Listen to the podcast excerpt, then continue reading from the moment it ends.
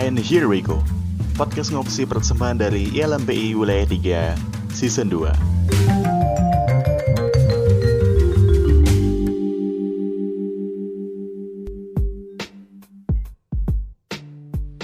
Halo Psychofans, welcome back to podcast Ngopsi persembahan dari ILMPI Wilayah 3 Bareng sama aku Nirmala, staff BPPM ILMPI Wilayah 3 Di episode kali ini aku mau ngobrolin tentang personal boundaries nih Kalian tahu gak nih apa itu personal boundaries?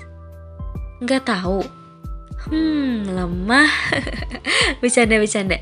Oke, bakal aku jelasin ya. Jadi, personal boundaries ini adalah batas atau ruang antara kamu dan orang lain. Jadi, kalian tuh harus menetapkan batasan-batasan kalian terhadap orang lain gitu. Karena nih, kalau kalian tuh nggak punya batasan terhadap orang lain, ya sama aja. Kalian tuh nunjukin bahwa identitas kalian tuh nggak jelas gitu. Soalnya nih, ternyata personal boundaries ini punya fungsi sebagai pembentuk identitas loh. Simpelnya nih ya, personal boundaries ini bisa nunjukin seberapa besar kamu bertanggung jawab sama diri kamu sendiri. Dan personal yang dimaksud di sini tuh nggak hanya berbentuk emosi yang dikeluarkan aja loh, tapi juga bisa berupa batasan fisik. Contohnya nih, menolak kontak fisik dari rekan kerja gitu misalnya. Jadi secara pengertian udah jelas ya. Sekarang kita lanjut buat bahas contoh-contoh dari batasan yang sehat nih. Yang pertama ada batasan profesional. Misalnya nih, pasti kalian kalau awal-awal masuk kelas tuh dikasih tahu tuh apa aja yang boleh kalian lakukan dan apa aja yang nggak boleh kalian lakukan. Kayak dilarang mengobrol ketika dosen sedang menjelaskan. Nah, larangan mengobrol itu merupakan batasan yang diberikan oleh dosen terhadap mahasiswanya. Terus nih, contoh yang kedua adalah batasan pribadi dan juga emosional.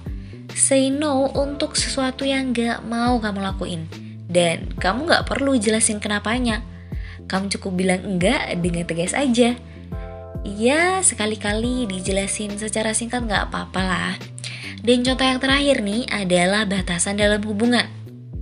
Batasan dalam hubungan itu penting loh karena nih, batasan yang sehat bisa menjadi perbedaan antara hubungan yang sehat sama hubungan yang toksik. Misalnya nih, kamu tuh ngelarang pacarmu supaya dia gak selingkuh. Tapi kamu tetap ngebolehin dia buat main sama teman lawan jenisnya dengan catatan gak hanya main berdua.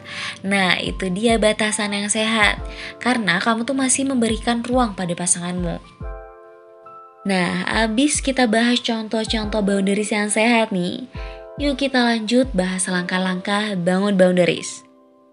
Yang pertama, pastiin apa yang mau kalian lakuin. Bukan yang harus mereka lakuin. Make sense gak? Jadi dipahamin dulu yuk kalau personal boundaries ini tuh soal apa yang mau kamu lakuin. Bukan yang orang lain harus lakuin ke kamu. Kalau perlu kasih tahu orang lain. Biar mereka tuh ngerti batasan kalian tuh apa aja gitu. Dan yang kedua, kamu harus siap sama semua resiko batasan itu. Kalau bakal memicu masalah nih, make sure kamu tuh siap sama masalah itu. Kayak misal, kamu tuh nyiptain batasan kalau kamu gak bakalan nyontekin teman pas lagi ujian. Ya, kamu harus siap kalau nanti dinyinyirin ya. Dan kamu juga harus siap kalau ntar dimarahin. Dan lain-lain. Terus yang ketiga nih, kamu harus tegas dan netral terhadap batasan yang udah kamu buat. Netral di sini tuh maksudnya siapa pun yang ngelawatin batasan yang udah kamu buat, entah itu musuhmu, entah itu gebetanmu, ya kamu harus bersikap sama. Jadi kamu tuh di sini harus tetap objektif, oke? Okay? Jangan mentang-mentang gebetan terus enaknya aja ngelawatin batasan yang udah kamu buat. Dan langkah terakhir nih dalam membuat batasan adalah bikin batasanmu itu sendiri. Kamu harus membuat batasan yang sesuai dengan kemampuan dirimu dan juga kenyamanan dirimu sendiri, bukan menurut standar orang lain. Kalau udah kelar nih bahas langkah-langkah dalam membuat boundaries itu kayak gimana, sekarang kita bahas kesalahan yang biasa dilakuin waktu bikin personal boundaries. Kesalahan pertama adalah kamu ngasih tahu orang lain apa aja yang gak boleh mereka lakuin. Loh, loh, loh, loh.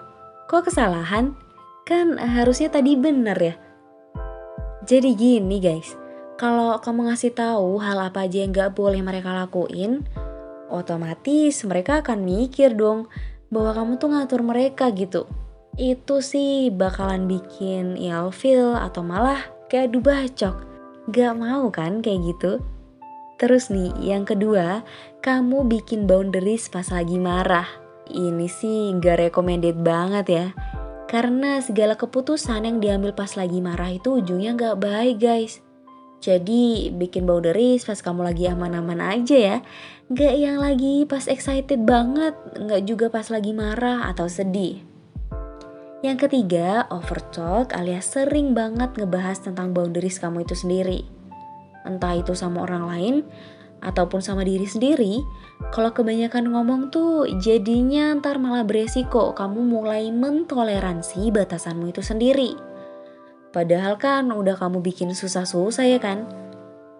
Dan yang terakhir nih, kamu tuh bikin boundaries di luar kemampuan kamu. Nah kalau kamu bikin boundaries di luar kemampuan kamu nih, yang ada kamu tuh malah melanggar batasanmu itu sendiri. Jadi itu tadi guys, kesalahan-kesalahan dalam membuat batasan. Semoga kalian gak melakukan kesalahan itu ya dalam membuat batasan. Terus-terus kalau orang lain tuh udah ngelawatin batasan harus gimana dong? Nah emang kadang tuh orang lain ngelawatin batas kita kalau dia mau minta tolong. Ya nggak salah sih, karena kan nggak semua orang tuh tahu pikiran kita kayak gimana. Kayak yang dibilang Morrison kan, inget gak? Kalau enggak, aku ingetin lagi deh. Jadi, Morrison tuh pernah bilang gini guys. Tidak ada manusia yang memiliki kemampuan untuk membaca pikiran orang lain. Tidak selalu dapat diasumsikan juga bahwa seseorang akan tahu jika mereka menjadi pemicu sesuatu di dalamnya. Hmm, tapi apa pun alasan seseorang dalam melewati batas, hasilnya akan sama. Jadi, hal yang harus kamu lakukan adalah temukan sisi positifnya. Misalnya nih, kakak kamu mau nanyain tentang hubunganmu sama pacarmu. Dan kamu ngerasa di sini tuh udah melewati batas karena hubungannya sama privasimu. Kamu di sini bisa ngambil sisi positifnya kok. Yaitu kamu bisa berpikir bahwa berarti kakakmu tuh peduli sama kamu And last, kamu bisa tegaskan kembali tentang batasanmu terhadap orang lain. Karena kan ada kemungkinan bahwa orang lain tuh nggak tahu tentang batasan yang udah kamu buat. Dan agar menghindari kesalahpahaman kan, maka dari itu sebaiknya tegaskan kembali batasanmu. Hmm, kayaknya cukup itu deh bahasan untuk episode kali ini. Makasih ya karena udah dengerin sampai akhir. Dan jangan lupa untuk selalu dengerin podcast Ngopsi ya. Aku Nirmala, pamit. Stay safe, stay healthy, dan tetap semangat ya. See you.